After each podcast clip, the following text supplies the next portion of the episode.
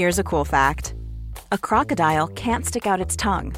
Another cool fact you can get short term health insurance for a month or just under a year in some states.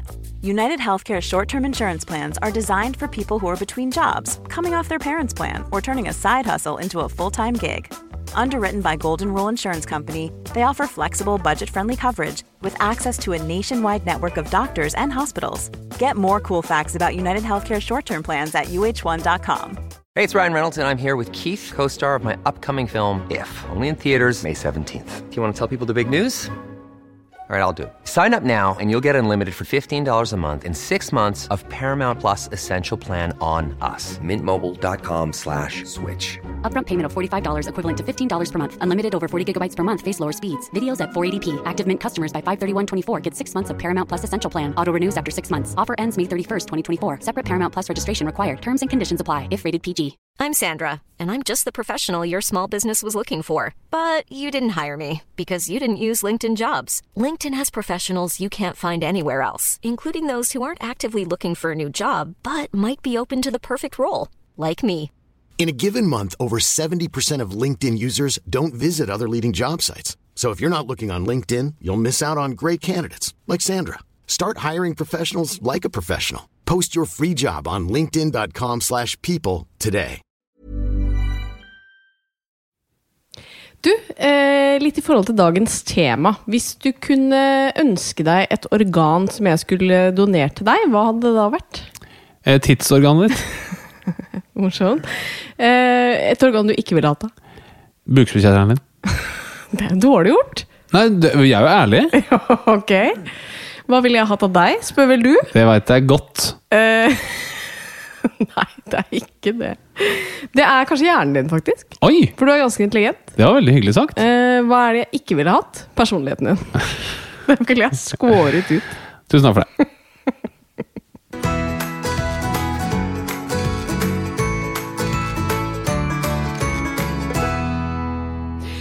Og hjertelig velkommen til eh, denne episoden av Åpen journal. Tusen takk. Og jeg er veldig glad for at du presiserer at det er denne episoden du yeah. ønsker meg velkommen til. Selvfølgelig. Fordi Hvis ikke så kunne jeg tenkt at kanskje var den forrige episoden du Eller ønsket neste. eh, velkommen til. Eh, og i dag så skal det handle om noe som jeg gleder meg veldig til. Fordi eh, det skal handle om noe som kan redde mange liv. Og Oi. det er organdonasjon. Spennende! Ja, men det er det! Ja, det er fordi eh, hvilke organer er det man egentlig kan eh, donere? Eh, hvem er det som kan donere Herregud, så vanskelig organdonasjon er. Ja, det er et vanskelig ord. Det er jo et vanskelig tema. Det er det som tar Eh, lengst tid når du utdanner transplantasjonskirurger. Det er å lære dem å si organdonasjon. Ok. Det skal handle om hvilke organer som kan doneres. Jeg tror det er det at organer og doneres ligner veldig på hverandre. Ja, gjør det egentlig det? Ja, i hvert fall for meg. Eh, Det skal handle om hvem som kan donere organer. Altså bare til dere som hører på, si organdonasjon, det funker fint. Men donere organer og organer doneres. Bare si Organer det doneres, donere organer. Ja. Ikke sant? Det gikk ikke. Det gikk ganske bra. Men jeg kjenner at jeg gleder meg veldig. Eh, Vi skal snakke om hvordan det gjøres i praksis, og hvilke etiske problemstillinger som reiser seg når dette gjøres. Ok, ja, det er, jeg godtar det. Så bra! Fortsett. eh, Pro progredier. Jeg tror jeg skal varme opp stemmebåndene før vi går videre. Men det siste jeg skal si før jeg gjør det, det er at dagens gjest det er fantastiske og morsomme Espen P.A. Lervåg. Hurra!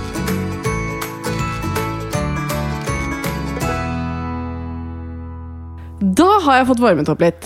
Hvordan varmet du opp? Eh, la, la, la, la, Og så er det sånn ja.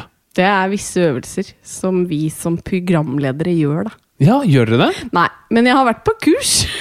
I tale-stemmebruk? ja, eh, Og har aldri brukt noe av det jeg lærte der. Men du er jo programleder. Hvor mye av programlederegenskaper er medfødt, og hvor mye er opplært? Eh, det er jo bare sånn at eh, når man er sånn som meg, da, så fødes man bare med talent. Man gjør det. Ja. Ja. Og ydmykhet. Det er en. Mm. viktig del av din personlighet. Eh, og siden jeg er et så fantastisk talent, så har jeg endelig fått som fortjent. Ok, Ja! nå er jeg spent. Fordi hva var det jeg gjorde i helgen? Eh, vet du hva du ikke gjorde i helgen? Ja, Men du vet også hva jeg gjorde i helgen? Eh, ja, du gjør jo mye, da. Ja, jeg var på staycation på Tyven i Oslo. Ja, det er det man kaller det når man er urban og superhipp. På Tyven. Ja, fordi min uh, søster jobber jo for og med Petter Stordalen. Så hun er jo såpass inni dette at hun sa liksom, når vi møtte folk, så sa hun sånn Ja, vi bor på Tyven i helgen, og det er digg. Sa sånn. hun det? Ja, hun sa det. Nei. Og jeg kjenner at når jeg sier det, jeg puller ikke det off. Men hun jobber tett på Petter Stordalen, som eh, gjennom sitt selskap eier The Thief, hotellet. Ja. Men hun, ikke, hun jobber ikke så tett på den at hun fikk noe rabatt. Eh, nei, fordi at ti får de fader meg ikke Nei, rabatt der på. ser du. Og Tror du- hvem, hvem var det som måtte betale full pris da? Det var deg. Det var deg. Ja, det var meg, ja. Det er faktisk helt riktig. Fordi dette var jo en julegave som vi fikk i fjor. Hun fikk da sin mann, og jeg fikk da min mann, som da er deg. Hei på deg. Eh, men pga. korona og barn og alt sånt, så har vi liksom ikke fått gjort det før nå. Men eh, vi fikk jo da si en eh, 24 timer. Eh, men det var altså så deilig. Eh, og det er veldig kjedelig å sitte og høre på folk som har hatt det veldig deilig, og kose sånn, så du skal ikke få høre om det. Takk. Men i forkant av dette så var det da altså fredag ettermiddag. Klokken var to. Jeg var eh, ute i veldig god tid. Jeg har alltid liksom ganske dårlig tid eh, om dagen. Men denne fredagen så var jo Bernhard i barnehagen, så jeg kunne dra ned tidlig til Tyven. Ja. Mm. Puller jeg det opp nå? Eh, nei. Nei. Eh, og så eh, drar jeg da herfra og kan sjekke inn klokka tre. ikke sant? Så jeg bruker litt god tid ned. Og på vei ned dit så skal jeg bytte noe undertøy jeg har kjøpt. Ja. Eh, og du har jo eh, spurt meg i det siste, for jeg har kjøpt mange nye BH-er, blant annet. Fordi at jeg har jo amma, ikke sant? Eh, og gått i amme-BH fram til nå. Ja. For de er så gode å gå i. ja, dem er gode. du. Og da tenkte jeg at nå må jeg kjøpe noen fine eh, BH-er. Ehm, og så har jo du spurt hvor mye penger jeg har brukt på det. Ja. Eh, men det du ikke vet, er at jeg har jo kjøpt i to omganger. Så jeg har ikke løyet når du har spurt. Jeg har ikke fått vite hva det koster. jeg. Nei. Da eh, har jeg brukt eh, 2000. På hvor mange BH-er? Ti BH-er? Eh, det vet jeg ikke. Du vet ikke hvor mange BH-er du har kjøpt? Hva koster en BH, da? Par hundre kroner. Ja, ikke sant? Akkurat som jeg sa. Ti BH-er, 2000 kroner. Eh, ja, men jeg har vært der to ganger, så jeg har brukt 2000 ganger to. Jeg har kjøpt 40 BH-er. Nei. Ok, men greia var Jeg var der, eh, og så skulle jeg ha noe behagelig BH-er. Og jeg sa jeg trenger sånn BH du kan ha på deg på en søndag hjemme. Og så kommer de Og så er prøvde hun Ja, skal du ha noe litt sexy for mannen? Nei, Ja, nei, nei, nei, nei, ja. nei, nei, nei, Det var det hun sa. Ja, sa hun så det? Sa, ja, og så sa hun sånn Fordi jeg bare, den, den var nesten helt gjennomsiktig, den BH-en. Eh, så sa jeg sånn Den er jo supersexy, eh, men det er kanskje ikke liksom søndags-BH. Så sa hun sånn Det er akkurat det det er. I hvert fall, Det var mye jeg kjøpte som jeg ettertid skjønte at jeg trenger ikke det i livet mitt, så jeg skulle dra tilbake og bytte. Ja. Så kom jeg inn der, eh, og så sier jeg eh, Så sier hun sånn Hei, velkommen til Og skal jeg ikke si hva den butikken heter. Hei, velkommen mm, Hva kan jeg hjelpe deg med? Og så sier jeg Du, jeg må bytte noe undertøy jeg har kjøpt. Og så ser, hun, ser du bare at hun dør inni seg. Eh, og jeg vet ikke om det er, liksom, gjelder for alle som jobber i butikk. At de hater folk som bytter noe. Eller returnerer noe. Men, Men det var den følelsen jeg fikk. Og da hadde du jo brukt trusene en stund. Nei, det hadde jeg ikke. Og så sier hun eh, Så sier jeg ja, så vil jeg gjerne ha pengene tilbake. Du får ikke pengene tilbake her. Nei vel. Eh, men jeg har lest på nettet, for det gjør jeg alltid før jeg går på sånne butikker. Eh, og der sto det at man har 14 dagers åpent kjøp. Eh, det gjelder bare nettår i tre. Men du kan få et gavekort som varer i tre år. Eh, ja, da tar jeg det gavekortet. Og så bytter vi ikke truser hvis ikke de er pakket inn på en helt spesiell måte, og det ser jeg at din ikke er. Sånn var hun. Men det med truser er greit, for det er veldig vanlig at ikke det er lov. Så sa jeg da tar jeg tilbake det, men det var andre ting jeg skulle bytte. Og så sier jeg bare sånn Du, jeg bare gikk inn på nettet her nå, for det står jo 14 dagers åpent kjøp. Ja, men det gjelder bare nettordre. Hvis du leser på kvitteringen din, nederst der, så står det at vi ikke returnerer. Ok, eh, det er greit. Um, hun hadde jo rett, da. hun hadde rett, og det er jo det som er jævlig irriterende. Men jeg lar meg jo ikke pelle på nesen, så da sier jeg eh, Vet du hva, fremover så tror jeg faktisk jeg bare kommer til å kjøpe online fra dere, sa jeg. Eh, for det er jo helt håpløst dette med at jeg ikke kan få tilbake pengene. Og så sier hun eh, ja, du burde jo kanskje ikke det, for da kan du ikke prøve det på, ikke sant, som du kan her i butikk. Eh, jo, det kan jeg faktisk. Eh, og det jeg liker ofte mye bedre, jeg, å prøve hjemme. Og så er det så enkelt å returnere med posten, så Nei, men da har jeg opplevd det òg, å kjøpe i butikk, men erfart at det er ikke noe for meg, sa jeg. Og så ble det greit, og så fikk jeg det gavekortet. Og så, du vet når man er sånn, hun var sånn Ha det bra, da. Ha en nydelig dag videre. Og jeg sier sånn ha det! For jeg blir så irritert. Jeg har lyst til at hun skal vite at jeg er irritert. Ja. Rett inn på chatten til den undertøysbutikken og si at jeg har hatt en dårlig opplevelse i butikk. Ja, Men hun hadde rett, Eh, ja. og hun gjorde ting etter boka. ja, men hun var irriterende, ikke Ah. hyggelig. Da skjønner jeg.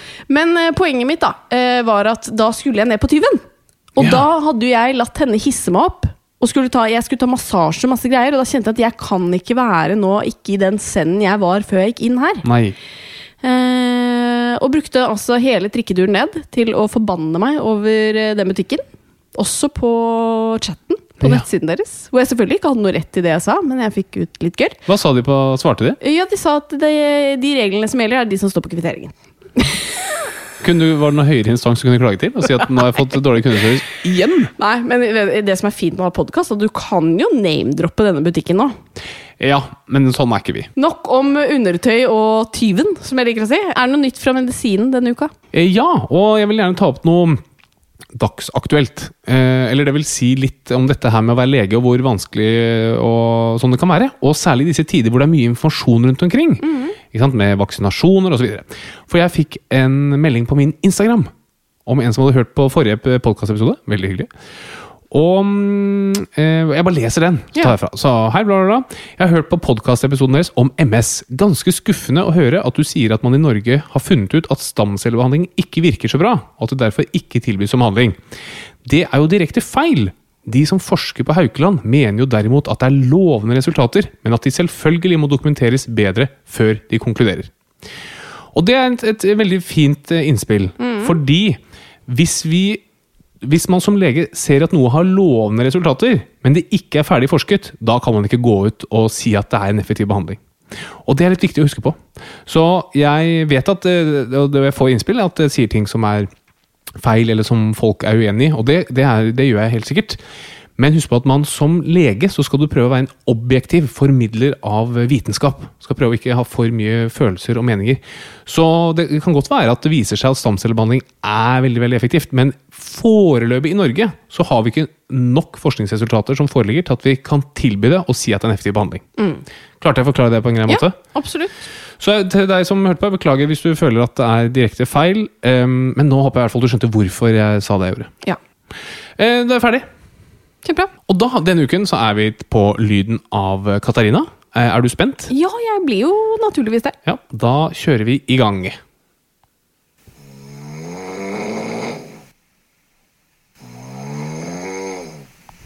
Ja, det høres ut som ku som snorker. Det er helt riktig! Jeg tror ikke det der er meg. Det er deg. Nei. Jo. Nei. Yes. Nei. Søndag barn? 0730 S. Nei, er det sant? Ja, ja, ja. Men hvorfor har du spilt inn meg da? Fordi det er helt umulig å få sove når det ligger en ku ved siden av og snakker. Jeg trodde du sov. Jeg trodde jeg også. Men jeg syns det var en ganske homogen lyd, hvis jeg kan si det. Det var ikke en sånn øhm, Jeg synes det var fin Hvis man først skal snorke så Det var en veldig fin måte å gjøre syns det? Ja. Ja, det, det, er, det blafrer godt i drøvel og bakre svelgevegg der. ja.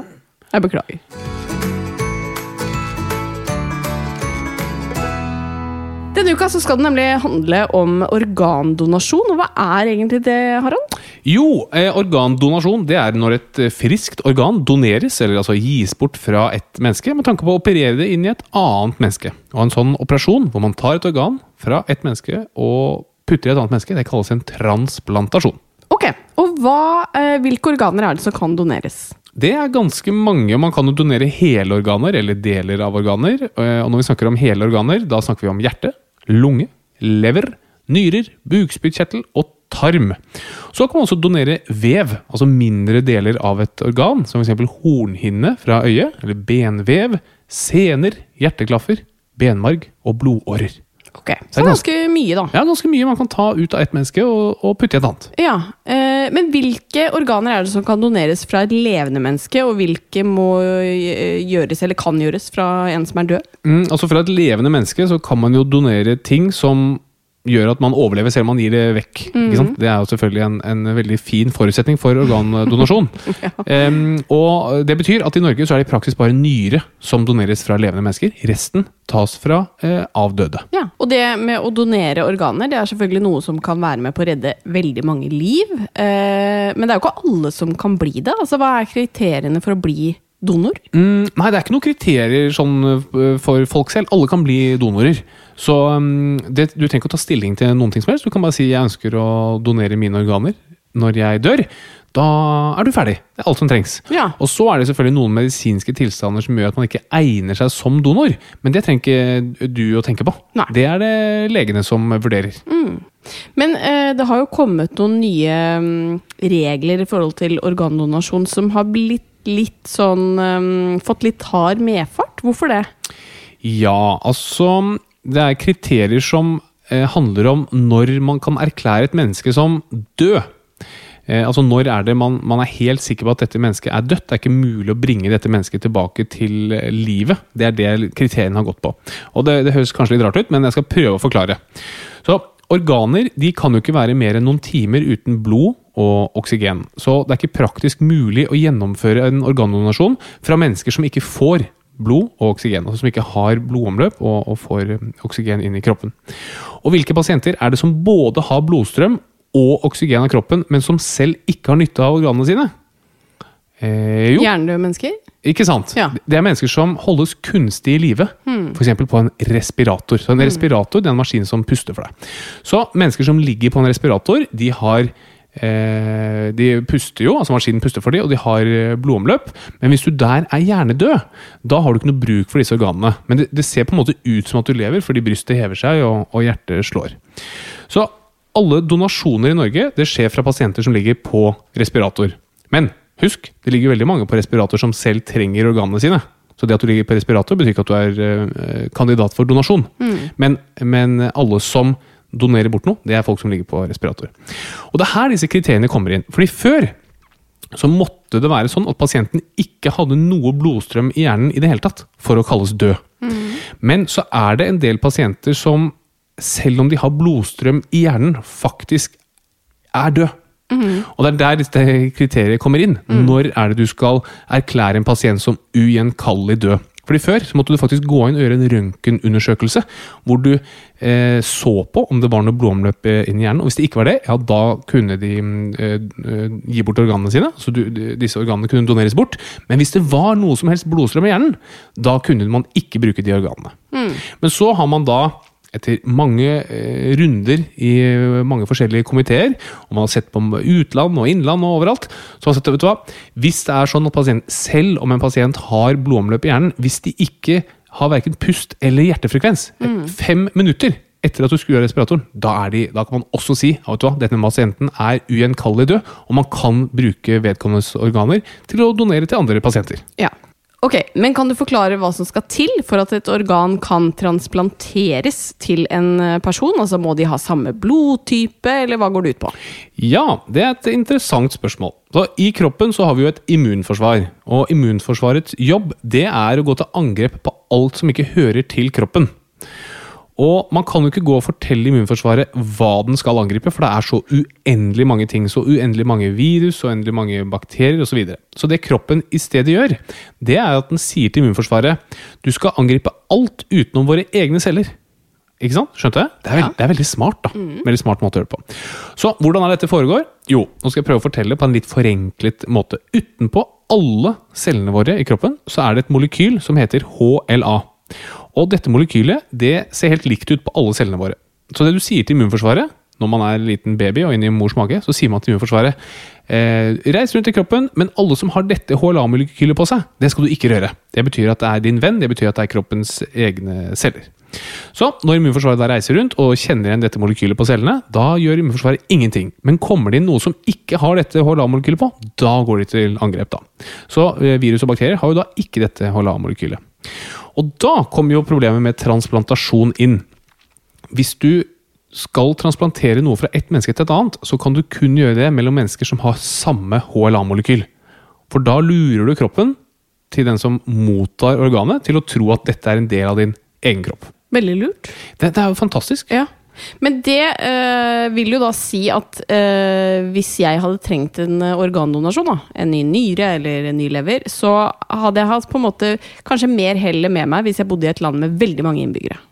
Eh, det kan du si. Ja. ikke sant? Du vil jo gjerne ha så mange som mulig, Ja. som, sånn at du kan finne en med, med tilsvarende HLA-molekyl. Ja. Og der har vi jo heldigvis i Norge et samarbeid med andre land. Ja, fortell om det.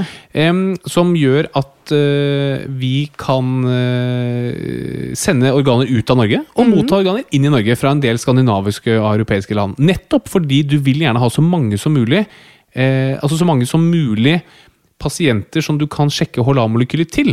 For det er bedre at eh, Norge sender sine organer ut hvis det er større sjanse for at du får et organ inn som passer perfekt til mottakeren som skal ha dette organet. Ok, men Si jeg trenger en eh, lever i dag, men det finnes ikke en eh, donor her i Norge, men det finnes i Finland, som vi har et samarbeid med. Ja, Hva, hva gjør vi da? Vi har jo tiden av veien. Ja, Da sender man et transplantasjonsteam fra Norge med kirurg og sykepleier og greier. Flyr over til donorsykehuset, og så høster de ut organene. Med eget fly. Med eget fly, ja. Det står et eget uh, chartret fly på Gardermoen. Klart uh, sikkert 24 timer i døgnet. Det er helt sjukt. Det er helt utrolig. Ja. Men man uh, kan jo tenke seg at det er litt sånn vanskelig å, å foreta en eh, prioritering på denne lista. Eh, jeg hørte annet med denne transplantasjonskirurgen at barn de prioriteres jo gjerne. Ikke sant? Men det er ikke en sånn 'å ja, du ble satt på lista i oktober, og du i november'. Da er det du i oktober som skal få først. Mm. Det er ikke sånn det fungerer. Nei da, det er kjempevanskelig. Husk på at Til enhver tid så er det sånn ca. 500 stykker i Norge som er på transplantasjonslista, altså som går og venter på et uh, organ. Og det kommer selvfølgelig nye på hele tiden. Og det er, mye, det er flere som trenger et organ enn det er organer tilgjengelig. Så det å drive prioritering er viktig, og veldig vanskelig. Og så er det jo sånn at når noen prioriteres, så er det noen som må nedprioriteres. Dessverre. Sånn er det.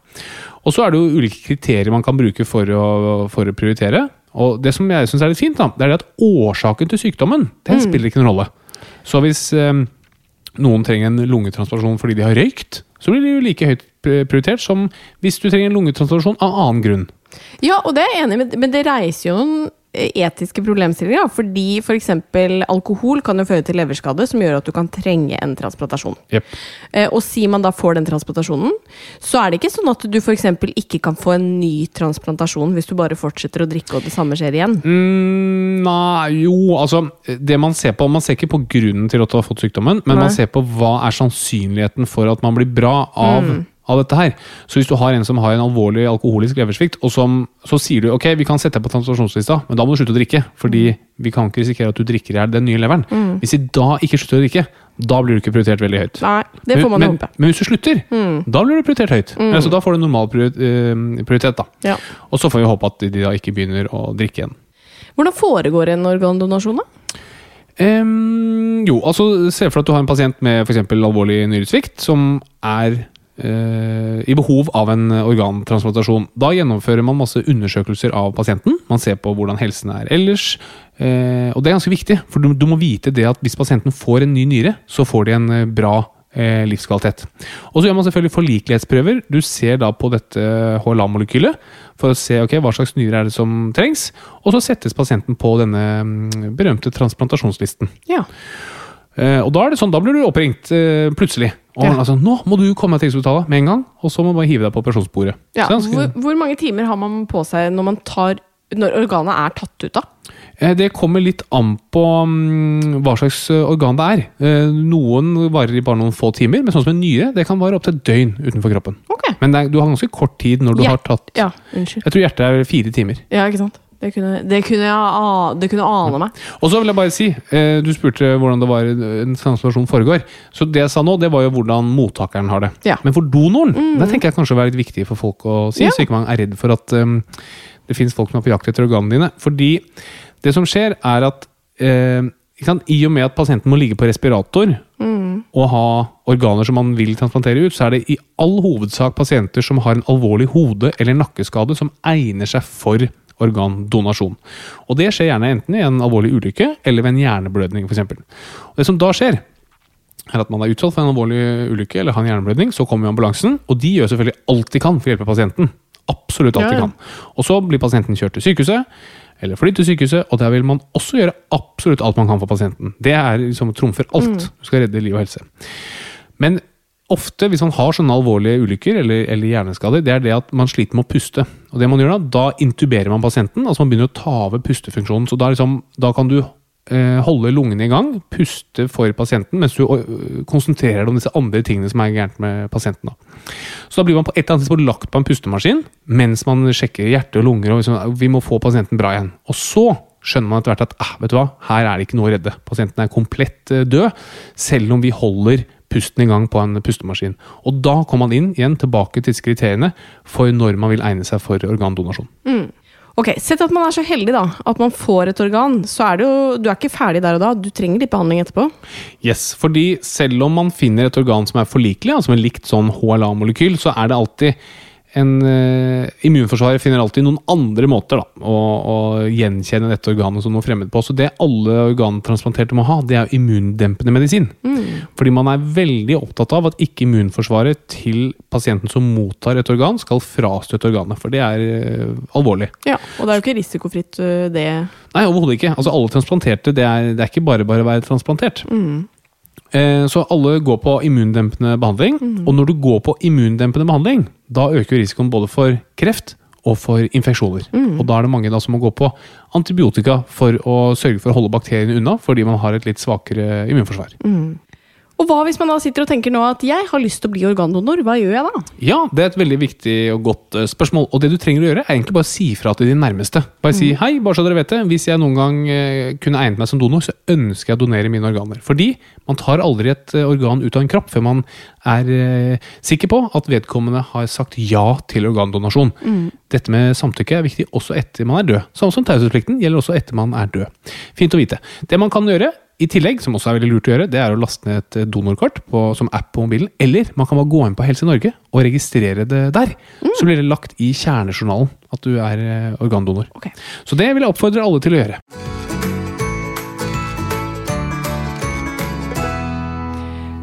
Har vi et lyttespørsmål eh, denne uka også. eh, Og dette er noe som jeg tenker er veldig aktuelt nå som vi går inn i mørkere tider. Jeg er jo veldig glad i stearinlys. Har en mor som er ekstremt glad i stearinlys. Og her er det en som har litt diskusjon på stearinlys. Ja, Stearinlys, ok. Ok. Ok, er vi der? Ja, vi er Ja. der. Eh, det er noen her som har litt diskusjon på hjemmebane. Eh, et samboerpar, da. Hvor hun eh, skriver Kan stearinlys i hjemmet være helseskadelig? Kan det. Fordi husk på når du brenner et stearinlys, det blir jo ikke borte. Det, det er ikke dematerialiserer seg, det, det ender opp i luften. Så ja, det kan absolutt være skadelig, og en del med som sensitive luftveier, astmatikere f.eks., eller små barn, de kan uh, la seg irritere av det. Og jeg kan jo bare legge til at jeg har jo en mann som uh, ofte får gode ideer. Eller mer eller mindre gode ideer, da. Eh, også da du kjøpte sånne greier til å slukke stearinlys med. Du vet som man alltid brukte i gamle dager, sånn til å Sånn lang sånn pinne, liksom. Ja, Med sånn klokke i enden. Ja. ja. Men den slutta du å bruke. Nei, jeg bruker, den, den bruker jeg akkurat den grunnen her. Ja, Fordi- Men hva er det du har sagt at den gjør? Den slukker lyset, og så tar du den bort, og så kommer røyken likevel. Ja, men det, det er, det er visstnok veldig mye bedre å slukke stearinlys med en sånn Ja. enn å blåse det ut. Ja. Fordi når det står og gløder litt, og masse røyk, det er skadelige greier. Eller man antar at det kan være skadelig. da. Ja. Så ja, absolutt, vi bruker stearinlys selv, så man trenger ikke å være helt paranoid. Men hvis du har sensitive luftveier, eller lurer på om du kan reagere, eller svir litt i øynene, så kan stearinlys absolutt være årsaken. Og du, kjøp deg en sånn der eh, slukker. Det er et tips fra meg. Du sier jo selv at den ikke funker! Nei, overhodet ikke. Jeg sier at det kommer masse røyk. Du blir ikke røykfritt. Men det er mye bedre enn å blåse det ut. Ok, greit.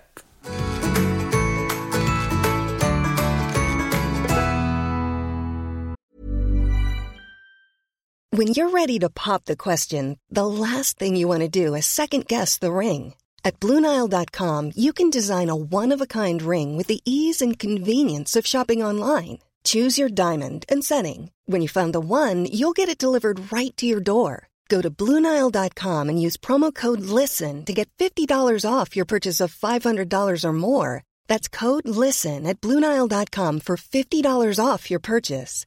Bluenile.com code LISTEN. Life is full of awesome what ifs, and some not so much, like unexpected medical costs. That's why United Healthcare provides Health Protector Guard fixed indemnity insurance plans to supplement your primary plan and help manage out of pocket costs. Learn more at uh1.com. Since 2013, Bombas has donated over 100 million socks, underwear, and t shirts to those facing homelessness.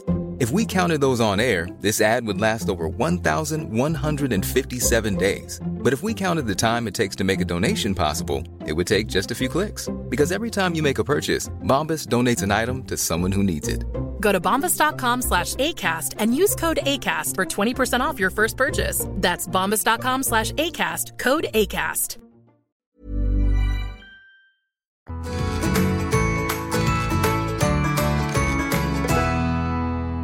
Vi har jo fått besøk av eh, Espen Lervåg. Insta-legenden, skal vi kalle deg det? Kan man godt kalle meg. Ja, jeg tenker det er helt innafor, jeg. Det, jeg, jeg tar med den. Jeg, det skal jeg ha på scenen min når jeg dør. Ja. Eh, og da er vi jo veldig glad for at du har valgt å ta turen hit, selvfølgelig. Ja. Uh, hva driver du med ellers om dagen?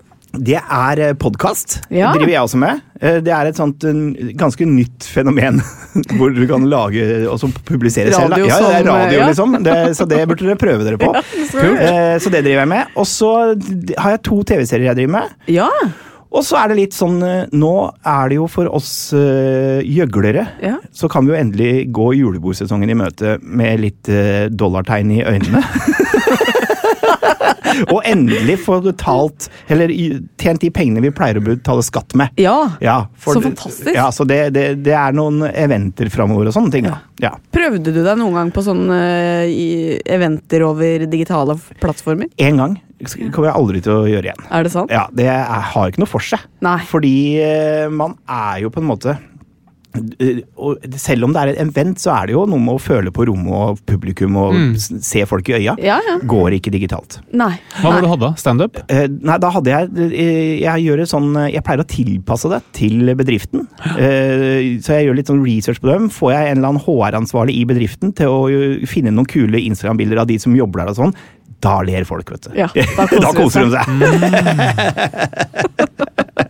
Det er tips, Harald, når du skal Ja, ja, ja. lage julebordunderholdning i år. Ja, nei, Julebordsesongen er et tapsprosjekt for meg. Ja, det er det. Men jeg, jeg ser jo absolutt fordelen av å ha det som et eh, gevinstprosjekt. Ja, det er Ja, det er, det er det, og det var jo sånn i hvert fall i det går, Jeg har jo alltid brukt den sesongen til å bare legge opp de pengene jeg vet kommer i skatten neste år. ikke sant? Ja. Og når plutselig den proppen ble borte, Ja. da måtte vi finne på noe annet.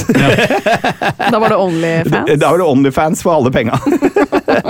Og skattesnuss, da. Man kan jo Ja, man la kan være. det, men det er jeg. Jeg er så bekymra type. Ja. Så jeg hadde jo ikke sovet et sekund hvis jeg hadde vet at jeg hadde gjort noe gærent med skatten. Nei. Nei, men altså, jeg, jeg tar den diskusjonen her ganske regelmessig både med mine venner og min kone. Og det er det at uh, ofte så tenker jeg sånn Fy søren, det må være digg å være kriminell. Ja. Fordi jeg føler at um, når, du, når du skal ut og få ting gjort i den vanlige ikke-kriminelle verden Så Du møter veldig mye flinke folk. Det er, liksom, det er et slit, ikke sant? Ja. Men jeg tror at det er mye lettere å være flink i den kriminelle verden. Ja, ja, ja. Tenker jeg sånn, Der kunne jeg sømme, der kunne jeg fått ting til å skje. Ja, og, og det, som er deilig, det som er deilig med å være kriminell, er den derre evnen til å, å drite i konsekvensen. Yes, For det er den jeg Ja. mangler. Ja. Jeg hadde vært fryktelig redd hvis jeg liksom visste at politiet var etter meg. Ja, ja, ja. Det kunne komme når som helst. Ja, ja, ja. Men jeg har for eksempel aldri blitt stoppet i tollen inn til Gardermoen. Nei, men det, du tror det hver gang.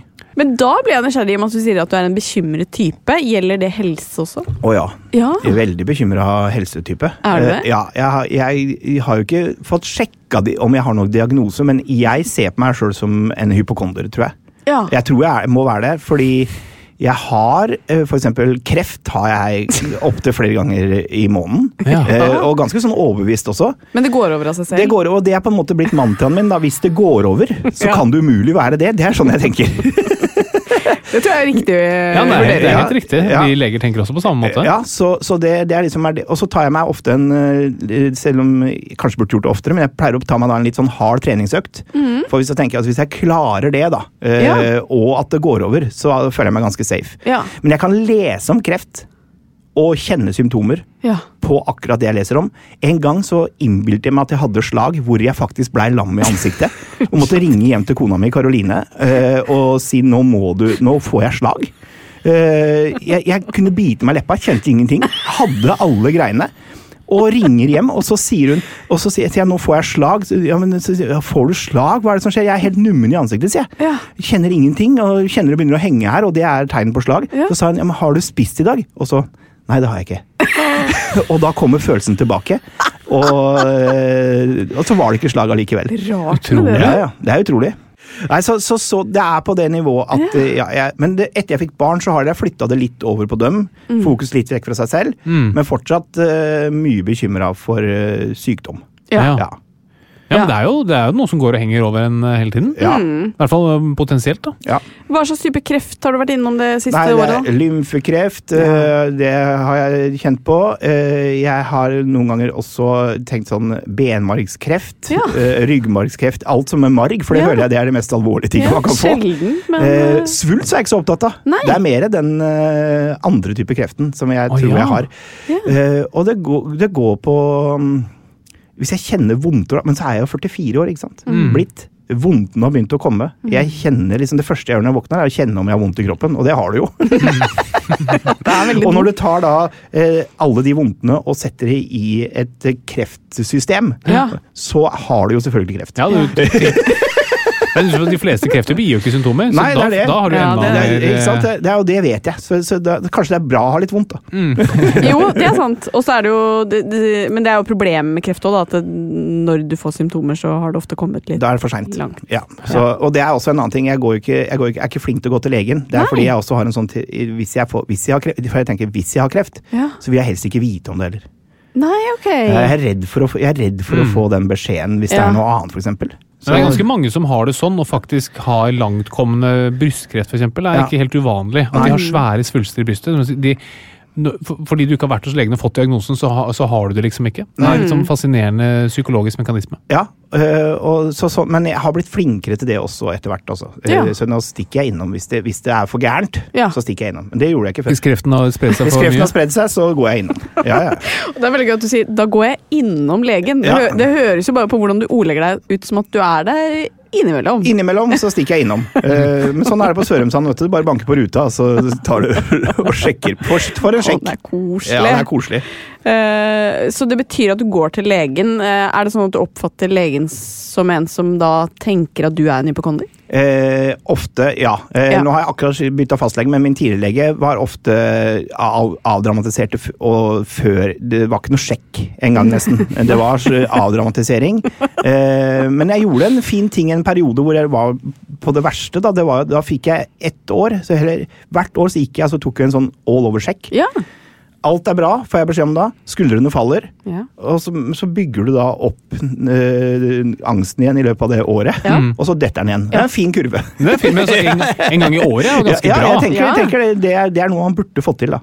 Har helsa di blitt bedre etter kompani, da? Ja, Ja. betraktelig. Eh, og det var sånn eh, aha-opplevelse for meg. Eh, ikke Jeg vet jo, jeg er en gammel idrettsmann, så jeg vet jo at trening er bra, og jeg vet jo hva kroppen kan tåle og sånne ting. Ja. Men jeg kommer jo til et punkt hvor, eh, hvor eh, Ja, jeg har jo ikke trent godt på 10-15 år, ikke sant. Alt annet har tatt fokus. Trening har ikke tatt noe fokus. Begynte et par måneder før Lauritzen med ganske sånn systematisk trening. Merka sånn umiddelbar forskjell. Ja. Og det, det gjør noe med sånn Det er kjempeforskjell på livskvalitet, da. Ja. I forhold til eh, det å leke med barna, som er mye enklere. Eh, bare det å gå trapper merka jeg sånn superforskjell. Så, og du var lettere til sinns, og du ble ikke så støl og stiv som du blir Mm. hvis du ikke trener. Selv om du blir støl og tre stiv av å trene, så blir du ikke sånn dustete støl og stiv. vet du, Sånn i nakken og skuldrene og sånn. Men har du klart å holde på det etter Ja, det er ganske bra. Ja, bra, ikke like, men jeg har, eh, prøver å ha et par Helst tre, men i hvert fall et par økter i uka. Men med litt sånn er bra. Jeg gikk for intensiv, for jeg, da går, går det fortere. Så jeg, så jeg har kjørt mye drag. Og Ja.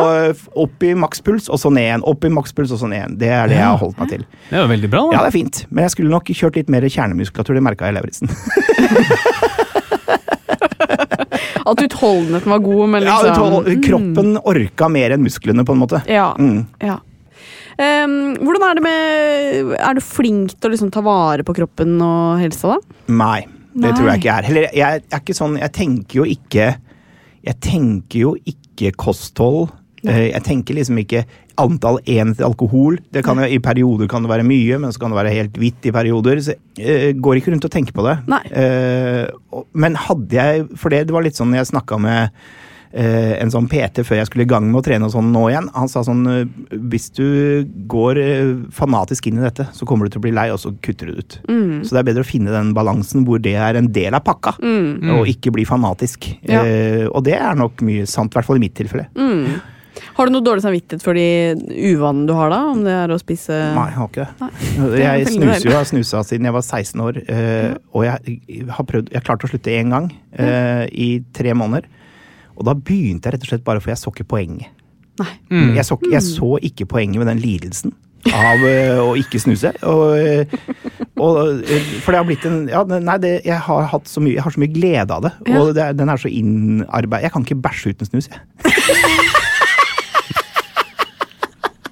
Hvis jeg- Altså, mener du at du må ha den når du ja, gjør det? Jeg, ja, hvis Hvor legger jeg du snusen, egentlig? Eh, hvor jeg legger Det den? er i leppa. Det er ja, i den ja, ja, ja. Ikke i ræva. Men jeg, hvis jeg har satt meg ned og er klar til å begynne å bæsje, Mm. og jeg merker at jeg ikke har snus, avbryter prosess, henter snus og går og setter meg igjen. Fordi jo, jo, jo! Det er en del av det, er en del, av det for meg, så er det en del av kosen med, med- med, å gå på Dette do. er det sjukeste jeg. Men hvor, hvor sent i prosessen kan du avbryte? Kan du ha sånn lite skilpaddehode? Ja, og det så- kommer helt an på hvor klø bra kløpperen funker. Eh, for klarer du å kløppe en reint, så kan jeg godt eh, gå for det. Men hvis, jeg, hvis du er dårlig med kløpperen, så må du jo fullføre jobben. Det, det veit alle som har vært på do. Det er ikke sånn at kona kommer sånn Nå er det bæsj på gulvet! Nei, det, så, så ille er det ikke. Herregud, det er gøy. Eh, men før du kom i dag, så har vi snakket om eh, transplantasjon. Mm. Eh, har du noe forhold til det? Ikke annet enn at det er bra. Ja. Eh, at vi kan det, at vi får det til. Eh, så jeg har ikke liksom men, Jeg har ikke noe kunnskap om det. Nei. Lurer på hvor går grensa? Det Ja. er sånn jeg lurer på. Hvor, hvor kommer det til å stoppe for hva man kan Ja. flytte på og øh, sånne ting? da? Det, Mm. det, det lurer jeg på. Hvor Om- håper du? Hva hadde du håpet jeg håper jo det kunne- går noen grenser. Ja, Jeg, noe, eller- noe du ønsker deg, liksom? Nei, jeg, jeg tenker jo sånn øh, Det er jo mye etikk i det, Mm. eh, må det jo være. Um, jeg, men så lenge det er det, skal, det riktige svaret er det så lenge det redder liv, Mm. så må det jo være bra. Ja. Uh, kosmetisk er også bra, syns jeg. Mm. Transplantere? Hva tenker du på da? Nei, jeg tenker på Hvis du f.eks. Uh, ikke har bryst, og du kan transplantere brystet fra noen som har dødd, over til det levende mennesket, så er det jo bra. Det gjør man i veldig liten grad. Ja, men, men det, er det mulig? Eh, ja, det bør det være. Ja, Men det er da- ikke sant? Og da er det bra! Ja, men det er mye større risiko om... å gjøre det enn å legge inn implantater. Ja, det er det. Ja. Men hvis de ikke har fått gjort det, da? Ja, ok. ikke sant? Vi er tomme for implantater. Ja, men, nei, men hvis du da Pasienten sier- ligger på bordet. Hvis venninna di Du har alltid vært misunnelig. Hun har hatt kjempefine pupper, og du har, hatt, du har lyst på akkurat de puppene. Ja. Hun går i grava. Rest in peace. Og du tenker at nå har jeg muligheten. Så burde det være mulig. Men penis har jeg hørt blir transplantert. Eh, Har det? Ja, det tror jeg det har. Mm. Eh, Men jeg likte, jeg likte for så vidt puppehistorien din godt. Det, jo, det, handler om, det handler litt om evnen til å snu noe negativt til noe godt. Ja, ja, og så Det tenkte jeg at puppene hennes kan leve videre på byen. Nei, jeg kjøper det. Jeg kjøper det. Det er veldig gøy tanke. Ja, er det noe annet vi ville at skulle kunne blitt transplantert som ikke gjøres i dag? Eh, nei, altså For hva er det det rareste som er transplantert? Altså, De har jo prøvd å transplantere et hode. Altså, de, Oi. eh, Det skulle de gjøre borte Helt Frankenstein? Nei, nå tuller du. Nei, det, det leste jeg om for et par år siden. Eh, det var altså Flytte hodet fra en eh, kropp til en annen kropp. Oi! Og det, De har prøvd noen ganger, det har ikke gått sånn fryktelig bra. Nei, men det tror jeg. eh, det er ganske interessant. Så de, når de driver på det nivået, da, Mm. så Ja, da, da begynner det å bli det, det grenser til skummelt for meg. Ja. Enig. Hvis- du kunne, hvem, vil, hvem ville du hatt kroppen til? Fordi hodet følger du med, ikke sant? Så Ja, hvis- hvil, hvem skulle man kobla seg på? Jeg skulle valgt meg en kropp ved hodet mitt på Atle Pettersen, kanskje? Mennesker. Ja, jeg tenker, ja, det var det første jeg kom på. Jeg tenkte Fini. Fini Baris. Eh, Ja. ikke, ikke sånn altfor trent, men akkurat sånn som jeg kunne tenkt meg. Men tenk deg, for, ditt hode, den kroppen ute i Sørumsand, den, Ja. den er fin i bare sitt to uker, den kroppen der. det er så er den kjørt. Eh, men er du organdonor i dag? Er det noe du kan tenke deg å bli? Jeg har alltid tenkt at det burde man være. Ja. Men så har jeg så tenkt sånn eh, eh, I perioder så er ikke den leveren min noe å gi til andre. Sånn har jeg tenkt. Ja. Eh, Men det som er, det, der kommer litt hypokonderiene. ikke Ja. sant? For det, skal du bli donor og blodgiver, så er det alle disse testene. Ja. Og de har bekymra meg. Ja. Ikke sant? Fordi da tenker jeg at da kan de finne noe. Ja, men Blir du donor, så er det på en måte for seint å finne noe, da. Ja, men, ja, men da, Altså, ja. Men ja. For, for å kunne bli donor, så må du vel sjekke masse greier? Nei. Kan, nei trenger ikke. Jeg må laste appen og si Yes. at jeg er donor. Og så sjekker de det når du har dødd, så da er det på en måte for seint å finne ja, for da er det ikke så farlig. Nei, for det ville vært mye, jeg tenker det var mye skumlere det, fordi da, jeg ville vært veldig redd for at det satt en eller annen riking et eller annet sted og så at oi, der går en av dobla rundt. Han Ja. har liksom akkurat min match. Ja. Nå må vi få en trailer. Knerta. eh, Ja. Yes. ja. Men eh, ja, så du vil være organdonor. Det er veldig Ja, men nå, godt nå å skal jeg bli det, for nå sa Ja, du at bra. jeg slapp å gjøre en sånn eh, forferdelig legesjekk. Ikke sant? Eh, at jeg bare kan bli det, og så sjekker de det etterpå. Ja. Da kommer hun til å få seg en overraskelse. Men eh, du sier leveren din. Er det noe du tror ville vært aktuelt for noen å ta over? da? Eh, jeg tror jeg har eh, jeg tror, jeg tror jeg har et bra hjerte. Ja. Det, det tror jeg på en måte, og det, det, det tenker jeg sånn, det ser man litt i slekta. Mm. Uh, og det at jeg har vært trent masse som ung. Mm. For jeg vet jo at uh, muskler og hjerte er jo en muskel. Mm, Veldig bra. Ikke sant? Ja, ja. Ja, veldig bra. Eh, den, eh, den har du jo klart å mate med type Den kjenner jo igjen trening, og den kjenner, så når jeg begynner å trene igjen, så responderer Det her må dere svare på om er feil eller riktig, men muskler som har blitt trent mye i sin ungdom, de responderer kjappere når de begynner å trene i eldre liv, fordi de kjenner igjen treningen. Er det sant? Ja da, det er sånn, du bygger, eh, du bygger en sånn infrastruktur Ja. i både muskler og for så vidt fettvev. og alt mulig sånn, så Hvis du har vært veldig, enten veldig overvektig eller veldig godt trent en periode, så er veien mye kortere dit neste gang. da. Ja, det er det jeg har hørt. Og det har trøsta meg. Det er derfor jeg har vært så sein med å komme i gang. Jeg har alltid lent meg på den. Det er hvilepute òg, da. At når du først begynner, så først- kommer det til å gå så ja, og det har jeg merka, for de gangene man begynner, så Ja. merker jeg at uh, formen kommer fort tilbake. da. Ja. Og det er jo en hvilepute, Ja. men ikke bra. Så hjertet tenker jeg det, det er bra. Lungene mine tror jeg er bra. Ja. Eh, leveren har sikkert fått kjørt seg litt eh, opp igjennom. Eh, for jeg har jo vært på rehab, og det, er det var jo en grunn til at jeg var der. Så akkurat i den perioden tror jeg ingen skulle ha leveren min. på en måte. Ah, ja, Men har du det? Jeg var på rehab, ja. Rehab, det visste jeg ikke. Jo, jo, jo. Jeg kom tilbake for to uker siden Nei da.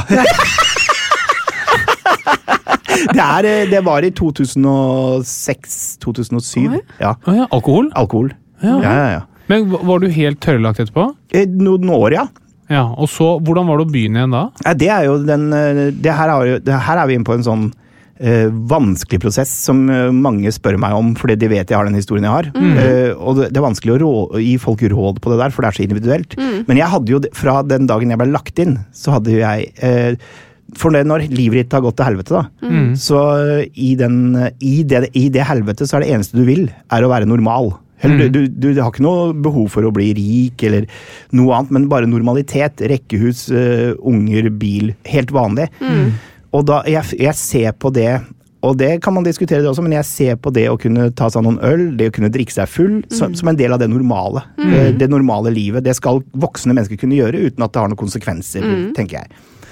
Og det var, jeg, det var jeg så opptatt av, at det var på en måte baktanken min fra begynnelsen. Men når jeg sa det, husker jeg til den første sånn rådgiveren jeg hadde, så, så får du jo hakeslepp. For det skal man jo ikke tenke.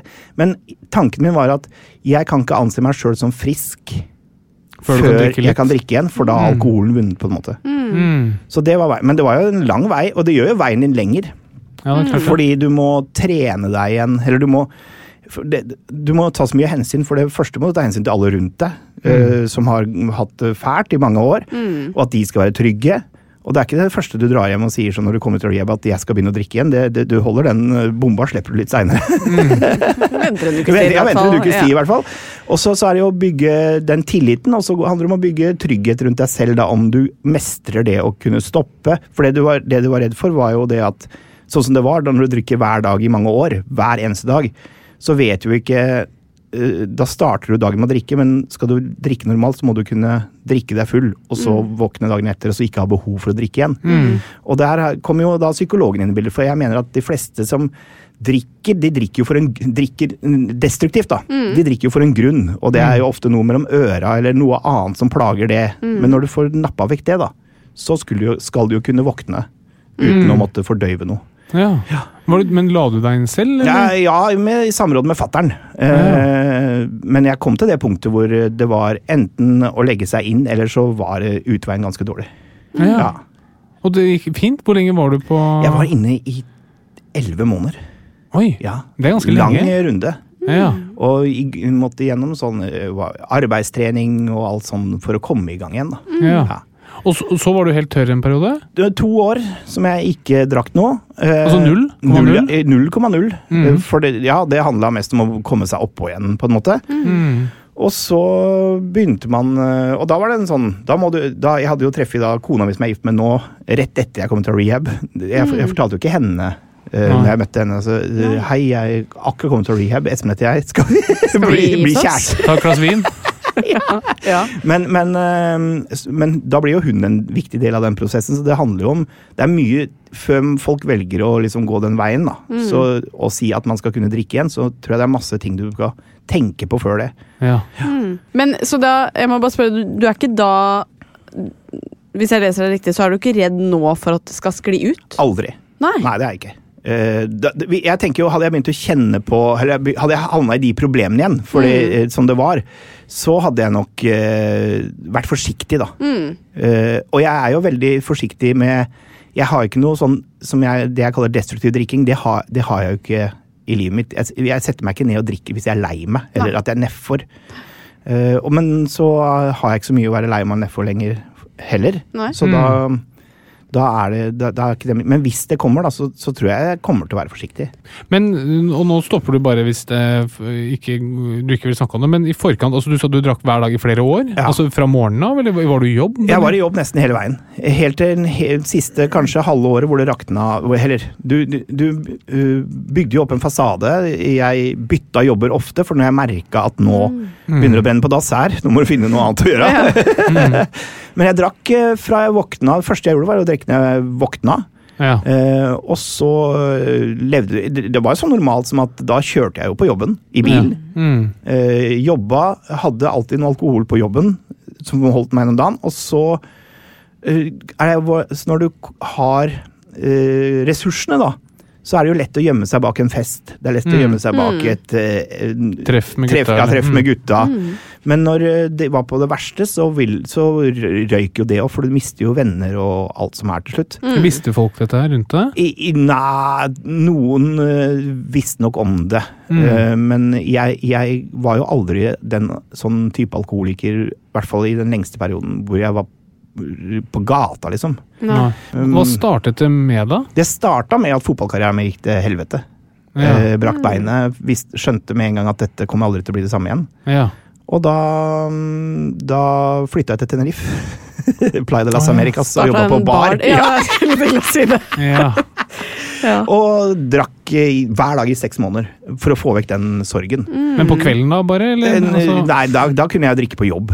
Det var, Ja. ikke, noe, Ja, ikke det, var ikke noe, det var ikke noe arbeidsmiljølov. nei. Så, og levde helt, helt fett liv der nede. Men eh, da det begynte jo der. Og så døde jo moren min oppi dette, som var på en måte det eneste sånn faste holdepunktet du hadde igjen eh, et- etter det der greiene der. Og da, eh, derfra ned så gikk det, da gikk det ganske fort. Eh, for da hadde man liksom ikke noe Ja, da var det ikke noe kontroll på noen ting. nei. Og så har du jo bare inn rehab, og etter det har det vært eh, smooth Ja, det, men det var noen skjær i sjøen fra Jeg hadde jo psykolog lenge etter jeg var på rehab. Eh, og det var noen eh, Jeg gjorde noen feilskjær, føler jeg, da. mm. I den perioden til der jeg er i dag. Så har, har man gjort noen feil.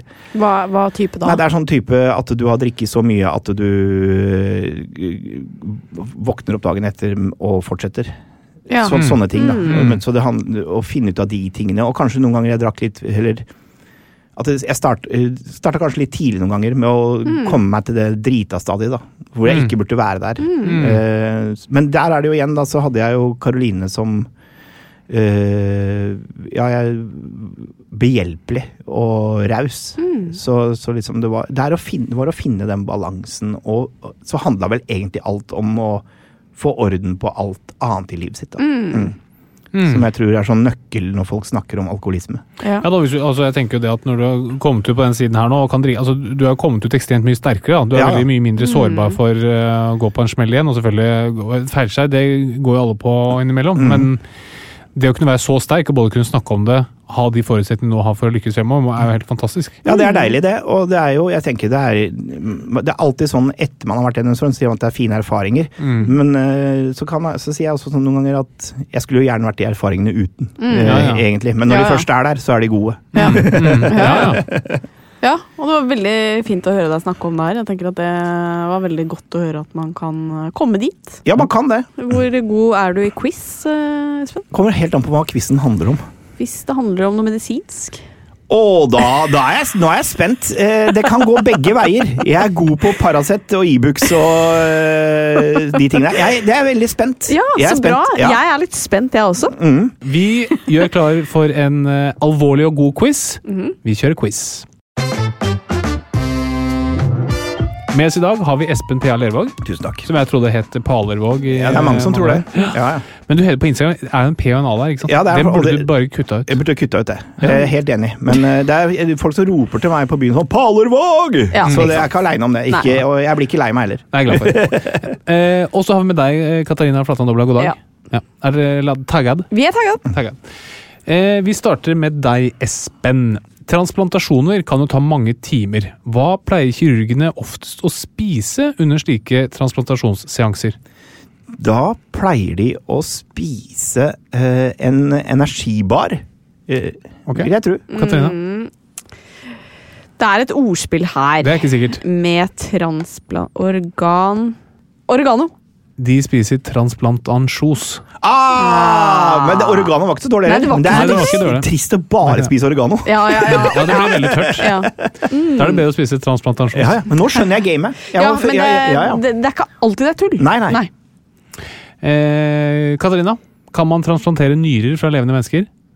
Ja. Espen? Nei. Jo, det kan man. Å ja. ja, ja. Mange nyrer har man? Espen? To. Det er helt riktig. Eh, Espen. 1-0 til meg. Ja. det er helt riktig. Espen, når hjertekirurgene opererer på hjertet, da er de redde for hjertestans. Men hva er det mage-tarmkirurgene er mest redde for? Um, eh, tarm Nei, de er redde for uh, at de ikke skal få sydd dette sammen igjen. Det er, det er, Ja. det er på nå. Eh, ja, jeg vil tro at de er redde for iskjemi, altså opphør av sirkulasjon til tarm. Nei, altså hjertekirurgen er redde for hjertestans, mens mage-tarmkirurgen er redde for fjertestans. Å ja, ja, ja, ja! For jeg tenkte Jeg har jobba. Og du var- jobba der, var var, Ja, var ja, er det noe men du var ikke inne på fjert. Nei, Jeg var på bæsj. Det var jo det. close enough. Eh, Katarina, kan Ja. man transplantere lever fra levende mennesker? Ja, det kan du. Espen? Jeg jeg er et konkurransemenneske. Så, så jeg vil jo si at nei. Hvis du tar vekk leveren på et levende menneske, så går ikke det. Den vokser ut igjen. Eh, ja, det ja, til en viss grad. Men du kan, du, du kan faktisk gjøre det. Du kan uh, transplantere lever fra um, levende mennesker. Men Ja. man gjør det veldig lite i Norge. Men det er noen foreldre som gjør det til barna sine.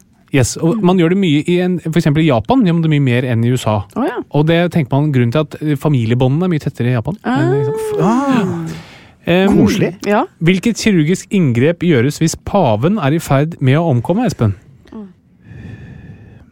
Det er det første man fjerner alle, da, da, da, da løper man inn der han holder på å omkomme, og så sier alle barn under tolv år løp ut sikkert! Katarina, hva gjør Er det, er det et ordspill med Vatikanet her? Man gjør en fransplantasjon. Oh, Ja, den er fin. Ja, Den er fin. Ja, Den er fin. Mm. Og du må ha en viss eh, kunnskap om eh, Ja, ja. kat katolsk paveri. Ikke sant? Ja, ikke sant. heter pave Ja, ja. Eh, Espen, kan man transplantere lunge fra levende donor? Fins det noe nå må jeg, jeg tenker det Er noen lureri her? Mm. Levende donorer? Det fins jo, det, men du kan ikke ta jeg, har, jeg har lite tiltro til det medisinske verden, merker jeg. Mm. For jeg tenker at det er skummelt. Eh, Presentere lunge fra en levende donor. For da må de ha noe som Ja, for det kan jo ligge respirator. Og da, men da må også lungene puste. Ikke sant? Eh, Så det hjelper jo ikke, det. Nei, så det går ikke, det. Ok, Katarina? Nei, det går ikke. Jo, man kan det! Ja, Du kan ta litt fra en lunge fra en person og litt okay. fra en annen lunge og sette sammen til Kan du det? Og du kan Ja, lage deg en lunge.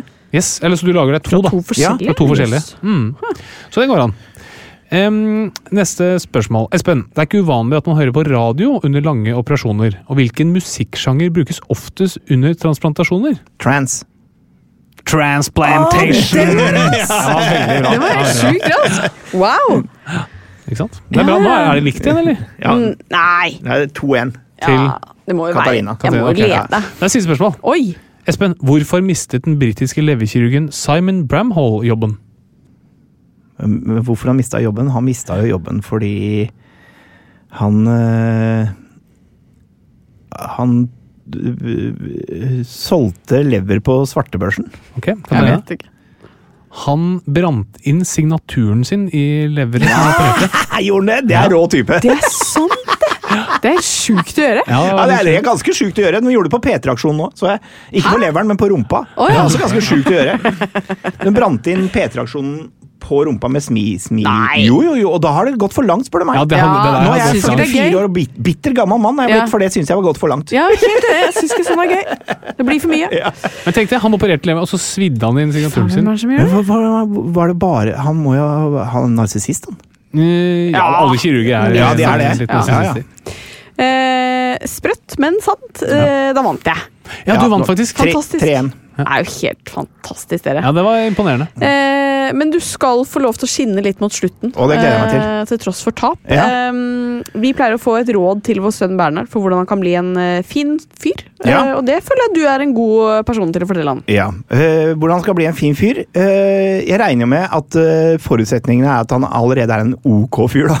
At, ikke, er ikke, Det at ikke det er et ondt menneske. For det er, det er vanskelig å få gjort noe med. Nei, jeg tenker jeg er, som, Nå tenker jeg fra min, hva jeg er opptatt av Ja. som som oppdrager. Ja. uh, som jeg tror hjelper at mitt barn blir Det er, det er, det er raushet. Eller Mm. uh, det å la de forstå at de er heldige og privilegerte. Eh, og la de se og faktisk vise de at ikke alle har det sånn som dem. Eh, det tror jeg er viktig. Eh, å forstå at eh, det er noen som trenger hjelp. Ja, så jeg tror eh, det å forstå at du er heldig som bor i kongeriket Norge, Mm. eh, og at det alltid er noen som eh, kanskje ikke har det like fett som du har det akkurat nå, der du sitter med den PlayStation din og mesker deg i sofaen. For tror er Bortskjemte, din bortskjemte drittunge legger Jeg tror det er veldig viktig. Jeg tror, jeg, jeg tror det er ekstremt viktig, fordi man er jeg tror voksne også burde minnes på det. Jeg Ja, ja, om vi burde. det. Hvor godt vi har det i Ja, fy søren. Og selv de som Det er jo fælt å si det, men selv de som har grunn til å klage, da, i i det store bildet, har det ganske bra. Mm. Så vi er ganske privilegerte. Ja, Vi er så ekstremt privilegerte. Men det, det kommer ikke av seg selv. Nei. Nei. Og tenk deg hvor mange folk som til hver dag bare jobber for at man skal ha det bra. Ja, ja, ja. Tenk på det når du hører på. eh, at du skal være litt takknemlig, og så høres vi igjen neste uke. Tusen takk for at du kom, Espen. Bare hyggelig. Ha det bra. Takk for Adios. meg. Ha det. Plan B. Even when we're on a budget, we still deserve nice things. Quince is a place to scoop up stunning high-end goods for 50 to 80% less than similar brands. They have buttery soft cashmere sweaters starting at $50, luxurious Italian leather bags, and so much more. Plus, Quince only works with factories that use safe, ethical, and responsible manufacturing. Get the high-end goods you'll love without the high price tag with Quince.